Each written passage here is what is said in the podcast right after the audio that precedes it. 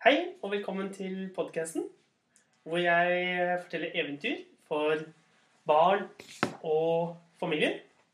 I dag skal jeg fortelle dere et eventyr fra Tusen og en natt. Vi skal fortelle om Aladdin og den magiske lampen. Det var en gang, for lenge siden, i en liten by like utenfor Bagdad. Der bodde det en skredder som het Skredder Mustafa. Han hadde en sønn og en kone. Men sønnen, han var lat. Han ville ikke gjøre noen ting. Han bare løp rundt på gaten og lekte med de andre guttene. Selv om han for, for lengst var for gammel til det. Han het Aladdin. Hver dag når solen sto opp, så dro Aladdin ut på gaten og ble borte helt til solen gikk ned. Faren, stakkars, han ville så gjerne at Aladdin skulle bli skredder, sånn som han selv. Men Aladdin nektet. Til slutt så ble Mustafa så lei seg at han døde. Og Aladdin og moren var igjen. Og moren måtte bruke hele dagen på å jobbe for å få litt grann penger til å kunne kjøpe litt mat til seg og sønnen sin. Og eh, Men likevel så fortsatte Aladdin å bare leke på gaten hver dag. Til slutt så sa moren nå har jeg snart ikke annet råd. Hvis du fortsetter sånn, Aladdin, så ender det med at jeg må stenge døren. Og så må, må du heller bo på gaten. En dag når Aladdin var ute og lekte, da kom en uh, gammel mann bort til ham og spurte Unnskyld, er du Aladdin, sønn av skredder Mustafa? Ja, det stemmer, sa Aladdin. Nå, hvordan går det med min, eh, med min bror? For du skjønner, jeg er nemlig din onkel. Men jeg har vært borte og reist i 40 år. Nei, du skjønner, min far, han er død, sa Aladdin. Hvorpå den gamle mannen omfavnet Aladdin igjen og sa, Mitt kjære barn, her kommer jeg endelig tilbake igjen til landet. Og det første jeg får høre, er at min bror er død. Du skal ikke undre deg over at du ikke har hørt om meg noe særlig før. Det er 40 år siden jeg forlot landet. Og siden har jeg reist i mange land. Til Syria, til Egypt, til eh, Irak. Men eh, Men hvordan går det med deg og din mor? Og Aladdin fortalte at de var fattige, og de bodde hvor de bodde. Hvorpå den gamle mannen ga han en pung med to gulldinarer, og så sa han Gi disse til din mor, og si at jeg gjerne vil komme på besøk. Så kan hun kjøpe inn litt mat. Så kan vi sitte om og snakke og spise sammen. Og Aladdin løp hjem og sa, 'Mor, um, i dag på gaten så ble jeg omfavnet av en gammel mann. Har jeg en onkel?' Moren tenkte seg godt om. 'Jo, det stemmer. Eh, faren din hadde kanskje en bror, men han er det ingen som har sett på lenge, lenge. Det må være minst 40 år siden. Og Aladdin sa, 'Jo, for du skjønner' Han eh, sa at han var min, var min onkel, at han har vært ute reist som kjøpmenn i 40 år, men at han nå gjerne vil komme og spise hos oss. Og Aladdin viste ham pengene. Og her har vi penger til å kjøpe inn litt brød og litt mat til oss.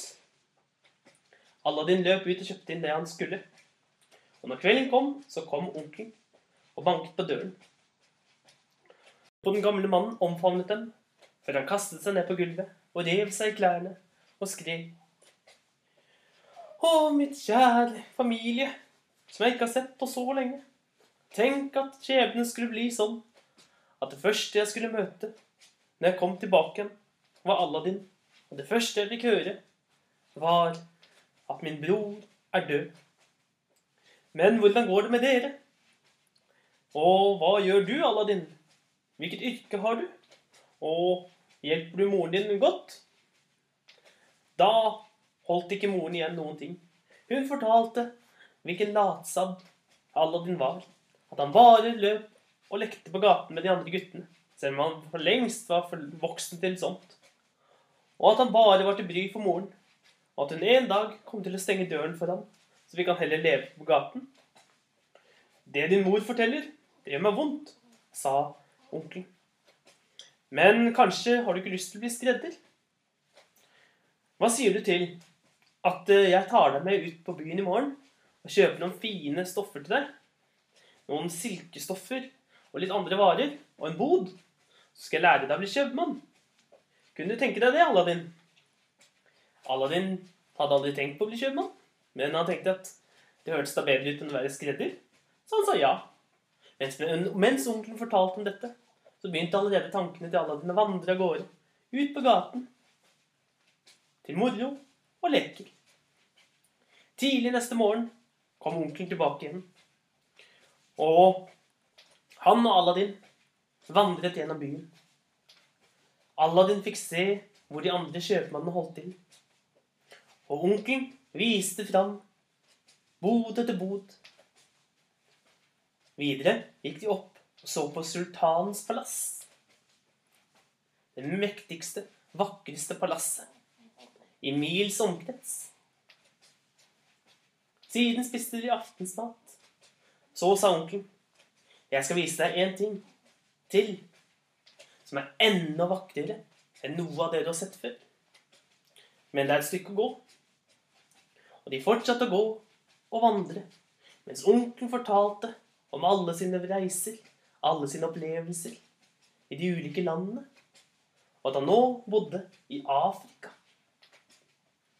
Aladdin lyttet oppslukt, men etter en stund så ble han trett og sa Kan vi ikke gå hjem igjen, onkel? Jeg er sliten i bena. Og vi har for lengst gått ut av byen. Nei, bare litt til, sa onkelen. Det er en vakker hage som jeg gjerne vil vise deg. Og de gikk videre til de kom til bunnen av et fjell. Ved bunnen av fjellet sa onkelen Endelig, endelig er jeg her. På dette stedet som jeg har drømt etter i alle og lett etter i alle disse år. Endelig er jeg her. Nå er tiden inne for å fortelle at onkelen til Aladdin i virkeligheten ikke var onkelen til Aladdin, men en mektig trollmann. Han gikk under navnet Den afrikanske trollmannen. Og han hadde brukt sin, sine trolldomskunster. Og med dem hadde han sett dette magiske fjellet. Og inni fjellet, der er det en hule med en magisk lampe. Men den eneste som kom seg inn i hulen, var en gutt ved navn Aladdin, sønn av skredder Mustafa. Og trollmannen snudde seg til Aladdin og tente han opp på magisk vis et stort bål. Og så sa han, 'Frykt ikke. Nå skal jeg fortelle deg en hemmelighet. Hvis du gjør som jeg sier, skal både du og jeg bli rikere enn noen annen menneske på hele jorden. Fordi under oss har vi en magisk kule.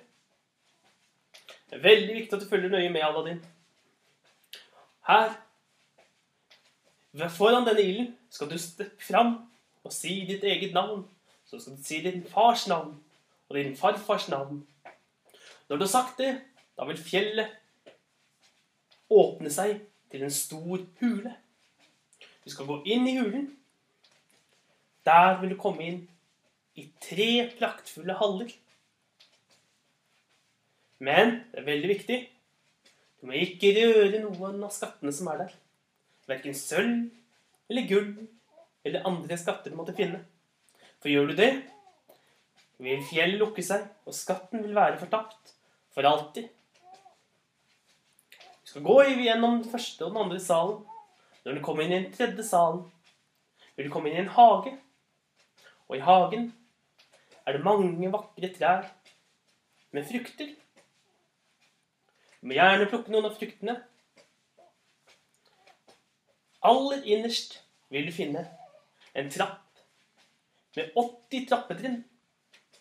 På toppen av trappen vil du finne en pedestall Og der vil du finne en gammel lampe i bronse. Du skal ta med deg lampen. Ta den med tilbake til meg. Og plukk gjerne en del av fruktene. Men husk, ikke rør gull eller sølv eller andre skatter. Og gjør du som jeg sier, skal vi to bli de rikeste, rikere enn alle andre konger i hele verden. Aladdin sa ja til dette. Han gledet seg, var spent. Og onkelen gjorde ilden større. Aladdin gikk fram, sa sitt eget navn, sin fars navn og sin farfars navn. Og fjellet eksploderte i lyd, og plutselig så han at hele fjellet begynte å slå sprekker. Og opp av fjellet kom det en stor stein. Nå kan du legge hånden på steinen, sa onkelen. Du er den eneste som kan løfte steinen. Og Aladdin løftet steinen så lett som om det var en fjær. Og under så han en lang gang med trapper. Han kløv ned, og snart så kom han inn i den første salen. Der sto det krukker, fylt med sølv. Sølvpenger, sølvbarer, sølvsmykker overalt. Men han gjorde som onkelen sa, og rørte ingen. Så gikk han inn i den andre salen. Her var krukkene og kistene fulle av gull, gullpenger, gullsmykker, gulltallerkener. Alt du kan tenke deg av flotte ting i reneste gull. Aladdin husket advarselen til onkelen, han gikk forbi alt gullet. Da han kom inn i den tredje hallen, det var i sannhet en praktfull hage. En hage med mange store frukttrær. Og en elv som rant gjennom. Aladdin var sulten, så han tok ned, tok ned en, en frukt og bet i den. Men kastet den fra seg ergerlig. Den var lagd av glass. Aladdin gikk til enden av enden av hallen, og der fant han trappen. Og gikk opp de 80 trappetrinnene. På toppen fant han pedestallen. Og der så han også lampen. Han puttet lampen ned i lommen. Men på vei ut så syntes han at glassfruktene var så fine. Så han tok med seg og fylte lommene sine så fullt han kunne. Helt stappfulle av forskjellige glassfrukter. Før han gikk gjennom både den første og den andre salen uten å røre noen ting. Gikk opp trappen og ropte opp til onkelen sin. 'Onkel, hjelp meg opp!' Og onkelen sa, 'Ja, jeg skal gjerne hjelpe deg, men rekk meg lampen først.' 'Nei, det går ikke', sa Aladdin. 'Lampen ligger på bunnen av lommene, og de er fulle av glassfrukter.' 'Nei, nei, nei. Først lampen, så kan jeg hjelpe deg', sa onkelen. Slik sto de og trettet en god stund. Til slutt så skjønte onkelen at Aladdin ikke kom til å gi opp. Da ble han redd for at Aladdin hadde oppdaget hemmeligheten med lampen. Han ble så arg at han slukket ilden, og, med, og idet han slukket ilden, så falt steinen tilbake igjen, og fjellet lukket seg, og Aladdin var stengt ute fra verden, og trollmannen ute fra lampen. Idet fjellet lukket seg, så ble Aladdin først redd. Han prøvde å rope, men trollmannen kunne ikke høre ham. Trollmannen var stengt ute fra hulen, og Aladdin var stengt ute fra verden. Og i sinne så reiste trollmannen tilbake igjen til det mørkeste Afrika, der han bodde. Og Aladdin løp gjennom de tre hallene. Det måtte da finnes en utvei. Men uansett hvor han lette, fant han ingenting. Han gikk slik, uten mat og uten drikke, i tre dager. Til slutt så skjønte Aladdin at det ikke fantes noe utvei. Men som en uh, god rettroende han var, så ville han i hvert fall gjøre den siste renselse før han før han døde. Så han gikk ned til vannet og gjorde seg klar til å vaske seg selv. Men mens han vasket seg, så kom han til å gni hendene sammen mot en ring For på hånden hadde han en ring han hadde fått av onkelen. Og idet Aladdin gned ringen, plutselig begynte det å komme røyk ut av ringen. Bakken begynte å riste, og opp av bakken steg en fryktelig ånd. Og ånden sa, Jeg er ånden i ringen. Hva ønsker du? Befal. Jeg er din slave. Du er min herre. Og Aladdin, som ikke hadde andre tanker enn å komme seg ut derfra, sa, Kjære ånd, ringen, ringenes ånd, kan du hjelpe meg ut av denne hulen? Enkleste sak i verden, sa ånden. Og mett så sto Aladdin utenfor fjellet. Og han gikk og gikk til han kom tilbake. Når kvelden kom, så så han endelig byens minareter i det fjerne. Og han visste der var byen. Og han gikk og gikk.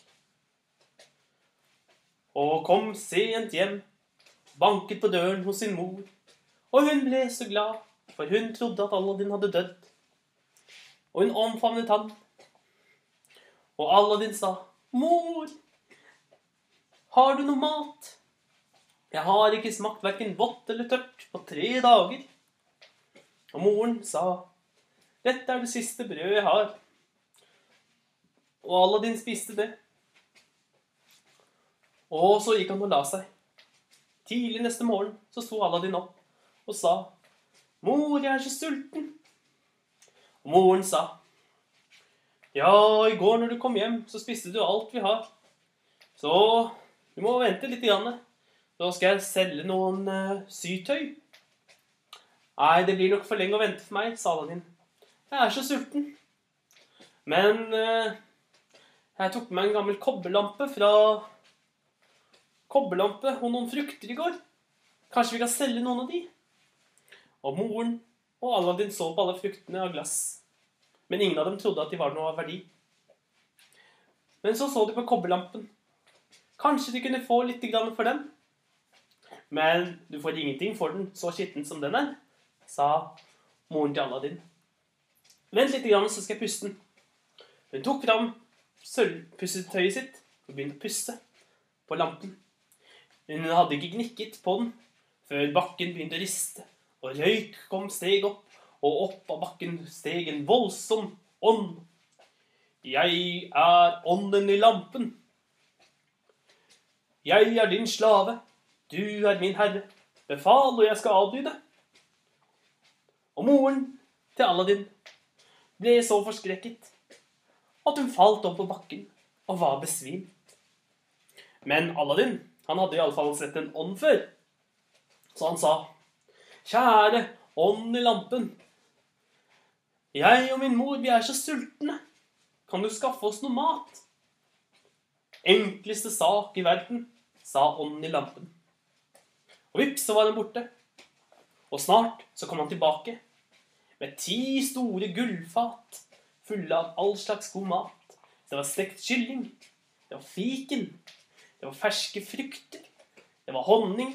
Det var all mulig god, tenkelig mat. Det var fiskeretter. Det var kjøttretter. Det var oster. Og det var søtsaker.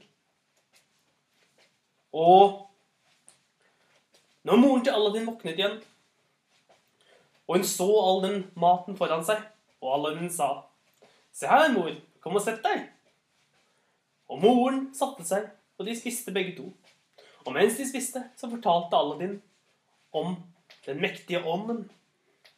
Og moren til Aladdin sa forskrekket, 'Du må kaste fra deg den lampen. Den er kjempefarlig.' Kjære mor, jeg kan ikke kaste fra meg den, men overlat lampen til meg. Jeg har da møtt ånder før. Ikke bekymre deg for den, du. Og moren til Aladdin og Aladdin hadde mat i flere dager. Og når den gode maten var spist opp, da tok Aladdin med seg et av gullfatene og gikk bort til en kjøpmann han kjente, som het eh, Hassan. Og han solgte gullfatet for én gulldinar. Og på den måten så hadde han nok til å kjøpe mat til seg og moren for flere dager. Og når maten var spist opp, så tok han med seg et nytt gullfat bort til Hassan og solgte det. Slik gjorde han til alle ti fatene var, til, til alle ti fatene var solgt. Da, når de ikke hadde mer mat igjen, tok Aladdin fram lampen og gned på den, og ånden steg opp fra bakken. Og nok en gang kom han med ti praktfulle fat med alle gode retter. Denne gangen, når Aladdin skulle gå og selge, selge sine gullfat til Hassan, da kom han forbi en eh, gullsmed. Og gullsmeden spurte, Unnskyld, jeg har sett deg gå forbi med disse gullfatene flere ganger. Er det til kjøpmannen Hassan du selger dem? Ja, det stemmer, sa Aladdin. Eh, hvor mye får du for hvert gullfat? Jeg får én gulldinar per stykk, sa Aladdin stolt. Da har du blitt lurt mer enn det jeg trodde var mulig, sa gullsmeden. Men kom hit. La meg få lov til å veie gullfatet ditt, så skal jeg gi deg den prisen det egentlig er verdt. Og Aladdin ga han gullfatet. Og gullsmeden, som var en ærlig kar, ga han 1000 gulldinarer for gullfatet. Aladdin og moren hadde nå mer penger enn det de noen gang hadde hatt før. Og Aladdin syntes han var, at han hadde fått nok av å løpe gatelangs og bare drive dank med de andre guttene. Så han bestemte seg heller for å gå bort i det betydelige området av byen.